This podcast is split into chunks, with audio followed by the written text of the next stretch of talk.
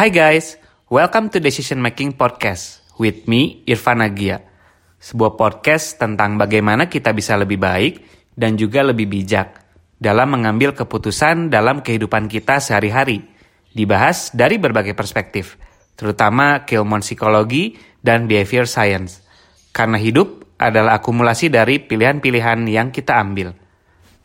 Summary dari setiap episode di podcast ini akan selalu gue share di fitur Insta Stories. Jadi bisa cek aja di Instagram at irfan underscore agia. Nah di episode ke-46 ini kita bakal bahas topik tentang visualizing our goals. Jadi kita menggambarkan, membayangkan gitu ya beberapa target spesifik dari goals kita, tujuan-tujuan kita biar itu tuh jadi meningkatkan kesempatan kita untuk uh, mencapainya gitu ya dengan kita membayangkan dulu, memvisualisasikannya dulu gitu. Jadi dalam setiap aspek kehidupan gitu ya, kita membutuhkan tujuan-tujuan gitu baik itu besar ataupun kecil. Contohnya misalnya kayak kita pengen menurunkan berat badan gitu ya, terus misalnya naik gaji, mendapatkan dream job gitu ya atau berhenti merokok atau pengen punya bisnis sendiri gitu. Jadi baik itu besar atau kecil, tujuan-tujuan ini tuh membantu kita dalam uh, menentukan arah gitu ya, menentukan arah dan sampai akhirnya kita mencapai tujuan-tujuan tersebut gitu. Dan of course itu gak hanya dibayangin aja ya dan disetting aja ya teman-teman. Jadi perlu ada determination, ada hard work di sana gitu ya, biar kita bisa mencapai tujuan-tujuan tersebut gitu. Jadi memang uh, aspek goal setting ini atau menentukan tujuan ini tuh konsepnya udah dari lama ya, dari bahkan 2000 tahun lalu. Jadi filsuf Aristoteles itu dia juga sempat menggambarkan bagaimana sih kita untuk menentukan tujuan-tujuan kita gitu. Jadi dia bilang kalau pertama kita harus punya practical dan clear ideal about uh, a goal gitu ya, atau tujuannya apa? Tujuan yang jelas, tujuan yang clear gitu, ya, objektifnya apa. Yang kemudian yang kedua adalah kita harus punya uh, sumber daya sumber daya nih untuk mencapai tujuan tersebut. Contohnya misalnya kita harus punya tanda kutip wisdom ya kalau dia bilang, kemudian money, materials dan metode-metodenya. Jadi kita juga harus menentukan nih apa resource yang kita punya atau yang harus kita dapatkan untuk bisa mencapai tujuan-tujuan tersebut gitu. Dan yang ketiga yang terakhir adalah kita harus uh, setelah kita mendapatkan atau memiliki resource tersebut kita harus menyesuaikan nih dengan uh, timeline spesifik gitu ya target kita itu seperti apa. Nah jadi terkait goal setting ini sendiri atau menentukan tujuan kita nggak bisa secara simpel tuh bilang saya pengen jadi uh, milioner gitu ya. Dan expect itu bisa langsung kejadian gitu ya. Nah fungsi dari goal setting ini adalah untuk kita tuh mendapatkan gambaran proses gitu ya yang dimulai dengan considerationnya apa aja nih gitu ya. Jadi posisi sekarang apa yang belum saya miliki, gapnya apa gitu ya. Terus untuk bisa jadi milioner contohnya gitu ya. Uh, network network apa saja yang harus saya punya gitu ya. Terus sumber daya apa saja gitu dan siapa saja sih yang bisa saya minta tolong seperti itu. Jadi in the end planning ini penting gitu ya. Tapi kita juga tetap harus punya drive gitu ya, harus punya hard work, determination untuk mencapai tujuan tersebut. Nah, namun sayangnya gitu ya dalam sebagian besar uh, aspek kehidupan banyak banget yang bahkan kita sendiri gitu ya stuck gitu ya ketika di goal setting bahkan nggak tahu tujuannya mau apa ya gitu ya misalnya saya kerja sekarang ya udah asal jalanin aja gitu ya goal, goal settingnya apa dan kadang jadinya kita nggak punya goals terus juga kalaupun ada kita stuck gitu aduh saya mau naik uh, jabatan nih gitu kan. Tapi terkadang dari segi perusahaannya itu belum memberikan opportunity gitu ya atau mungkin dari segi kitanya belum bisa upskill gitu ya.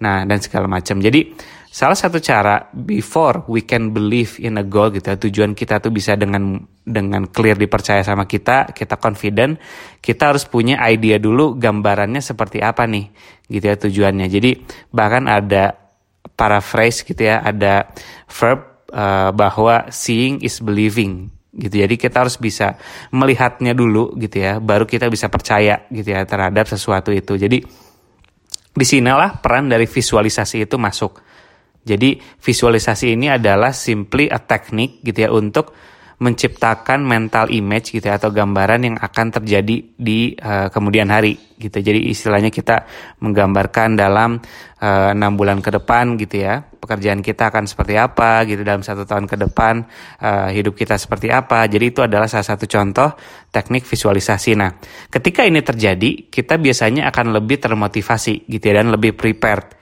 gitu untuk uh, pursuing our goal. Nah, secara teori, secara neurologi gitu ya. Kenapa sih metode visualisasi ini tuh bisa bekerja, why it works gitu. Jadi dari beberapa riset mengenai brand image gitu ya dari imagery otak gitu ya, visualisasi ini bisa bekerja karena dalam otak kita itu tuh ada yang namanya neuron gitu ya. Jadi ini sel-sel yang uh, transmitting information gitu ya di, di di otak kita gitu dan dia tuh bisa menginterpretasikan gambaran-gambaran visualisasi tadi gitu ya, atau imagery itu sama halnya dengan real life action gitu ya. Jadi ketika kita memvisualisasikan gitu ya, atau membayangkan suatu perilaku atau suatu action gitu ya. Nah, otak ini tuh jadi memberi tahu si neuron kita tuh untuk bisa perform gitu ya, tanda kutip perform sesuai dengan apa yang kita bayangkan gitu. Nah, ini menciptakan beberapa istilahnya itu neural pathway gitu ya. Jadi beberapa network-network yang dibangun dalam otak kita mengenai gambaran tersebut gitu ya. Jadi itu akan membuat kita priming our body, tubuh kita tuh untuk bisa uh, menyiapkan uh, perilaku-perilaku untuk mencapai tujuan tersebut gitu. Namun ada beberapa uh, mis miskonsepsi juga gitu ya tentang teknik visualisasi ini. Jadi banyak banget uh, kalau teman-teman lihat ada beberapa motivator gitu ya atau beberapa self help gurus gitu dia tuh bilang kalau ya uh, kalau kita membayangkan kita itu sukses kita pasti akan sukses gitu ya. Jadi think it and you will be it gitu jadi biasanya tuh motivasi-motivasi yang sering beredar gitu ya yang sering kita dengar. Tapi sebetulnya kita tidak bisa men-oversimplify teknik visualisasi tersebut. Dengan hanya kita membayangkan kita sukses, belum tentu kita tuh akan akan sukses gitu ya, tidak semudah itu gitu. Jadi bahkan beberapa riset dari uh, contohnya dari NYU ya New York University itu menunjukkan bahwa ketika kita memvisualisasikan tujuan kita gitu ya atau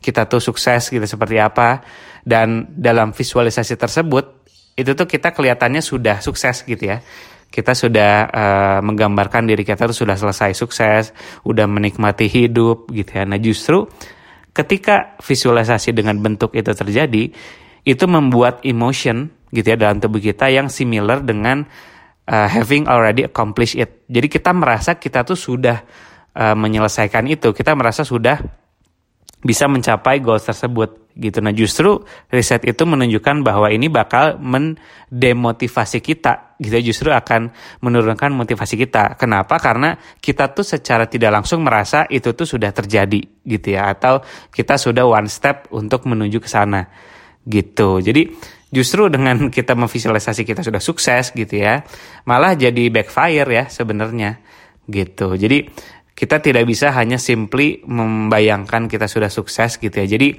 teknik yang akan uh, gua share di episode ini adalah lebih mengenai kita jangan memvisualisasikan outcome-nya gitu ya atau end produknya gitu ya. Kita pengen sukses, kita langsung membayangkan kita sukses. Kita pengen punya apa badan atletis, kita langsung membayangkan punya badan atletis gitu ya. Jadi visualize the process, not the outcome. Jadi kita harus membayangkan itu prosesnya, bukan hasil akhirnya gitu. Jadi triknya adalah kita harus memvisualisasikan choice points kita gitu. Jadi poin-poin di mana atau momen-momen ketika action kita ini akan leading kita apakah akan lebih menuju mencapai tujuan tersebut atau enggak gitu. Contoh gampangnya adalah seperti ini teman-teman. Jadi misal kita pengen menurunkan berat badan ya. Jangan memvisualisasikan diri kita tuh udah punya badan yang bagus, badan yang slim, badan yang atletis gitu ya. Dan langsung di bayangan kita tuh kita sudah apa enjoy how good it feels gitu ya untuk show off our bodies gitu ya. Atau hal-hal positif lain terkait punya uh, badan bagus seperti itu. Instead, kita harus memvisualisasikan beberapa momen-momen atau choice points di mana kita tuh akan uh, memutuskan gitu ya. Contohnya misalnya ketika kita akan datang ke dinner party misalnya atau ada ada makan makan, makan malam sama teman-teman gitu ya atau sama saudara-saudara gitu. Nah, terus dalam acara tersebut itu ada yang menawarkan dessert gitu ya atau makanan-makanan yang sugary gitu. Nah, kita harus mentally uh, rehearse gitu ya membayangkan kita itu menolak gitu ya. Politely menolak mak uh, makan dessert tersebut gitu ya dan akhirnya lebih cenderung memilih makanan misalnya uh, veggies gitu ya, sayur-sayuran segala macam. Jadi, yang harus kita visualisasikan adalah proses-proses yang akan membuat kita tuh mencapai goal tersebut, bukan hasil akhirnya seperti itu. Jadi visualisasi ini nggak nggak sepenuhnya tanda kutip salah, tapi kita harus melakukannya in a right way. So the main message of this episode adalah visualize the process, not the outcome gitu. Nah, ada satu teknik lagi yang menurut uh, eh, gue menarik ya. Jadi kalau kita punya goals yang long term gitu ya, gue juga belajar ada strategi yang cukup menarik untuk dicoba dan ini cukup make sense buat gue dan masih terkait juga dengan teknik visualisasi ini. Jadi ketika teman-teman misalnya pengen punya goals mendapatkan dream job gitu ya pekerjaan yang teman-teman impikan gitu ya kita harus tidak hanya memvisualisasikan dream job tersebut gitu ya, tapi visualize our lifestyle gitu lifestyle kita tuh nanti seperti apa? Gaya hidup kita tuh yang kita uh, inginkan tuh seperti apa? Jadi define the lifestyle not the not only the dream job gitu. Nah apa sih yang dimaksud dengan lifestyle atau gaya hidup dalam konteks ini jadi ini tuh lebih kepada uh, a detailed uh, day-to-day activities kita atau existence kita tuh nanti akan seperti apa gitu. Nah untuk membantu teman-teman membayangkan nanti gaya hidup teman-teman tuh pengennya seperti apa, ini ada beberapa question yang bisa dijadikan uh, consideration ya untuk teman-teman. Jadi mulai menggambarkan, jadi lifestyle saya itu nanti seperti apa. Contohnya misalnya, seberapa besar sih kontrol yang saya punya terhadap schedule schedule saya gitu. Jadi contohnya misalnya uh, contoh lifestyle yang gue inginkan adalah gue pengen punya pekerjaan yang gue sendiri nih yang mengatur pace-nya gitu ya, pace kerjanya seperti apa, terus ketemu klien tuh kapan, schedulingnya pokoknya semua under my uh, control gitu ya. Itu yang pertama. Terus yang kedua, what are the intensity level of your job gitu ya. Jadi seberapa intens sih misalnya contohnya saya pengen uh, pekerjaan yang sebenarnya eh, nggak uh, apa-apa gitu ya kerja weekend gitu ya intensitinya level. Tapi walaupun kerja weekend saya pengennya itu keluar kota atau keluar negeri gitu ya misalnya kayak gitu. Terus yang ketiga adalah what's the importance of what I do? Seberapa uh, penting sih atau seberapa uh, uh, signifikan gitu ya level pekerjaan saya atau hasil saya? Contohnya misalnya saya pengen uh, pekerjaan saya ini memberikan dampak yang besar gitu ya terhadap masyarakat. Gitu misalnya oh berarti saya akan work in a policy sector. Misalnya atau pekerjaan-pekerjaan saya ini adalah yang menghasilkan insight menghasilkan rekomendasi gitu ya untuk akhirnya diimplementasi ke level komunitas atau level makro gitu ya Terus uh, yang keempat, what's the prestige level? Seberapa prestis sih si pekerjaan ini gitu ya? Apakah uh, gua nggak apa-apa levelnya itu nggak terlalu prestige gitu ya? Tapi pengen uh, di remote area yang tenang gitu ya? Atau saya pengen yang uh, prestisnya tuh tinggi, saya pengen jadi si level misalnya di uh, beberapa company internasional kayak gitu. Jadi terus kita juga bisa bayangkan juga lifestyle-nya, where do I live? Nanti saya tuh bakal tinggal di mana nih? Apakah lebih di tengah kota gitu ya di di urban gitu ya atau malah uh, mencari ketenangan di pinggir kota gitu ya atau di desa gitu. Jadi kita harus bisa membayangkan gitu ya nanti gaya hidup kita yang kita inginkan itu seperti apa, social life-nya seperti apa, work life balance-nya seperti apa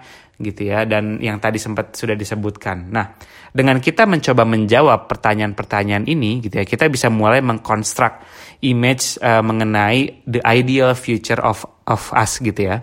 The ideal future mengenai lifestyle kita seperti apa. Nah, jadi setelah kita punya gambaran mengenai lifestyle tersebut, barulah kita mencari pekerjaan-pekerjaan yang bisa mensupport ataupun juga bisa sesuai dengan gambaran uh, lifestyle kita gitu. Jadi keunggulan dari teknik ini adalah dibandingkan kita langsung gitu ya pengen patokannya tuh saya pengen dream job sebagai lawyer misalnya sebagai di banking atau di consulting gitu ya.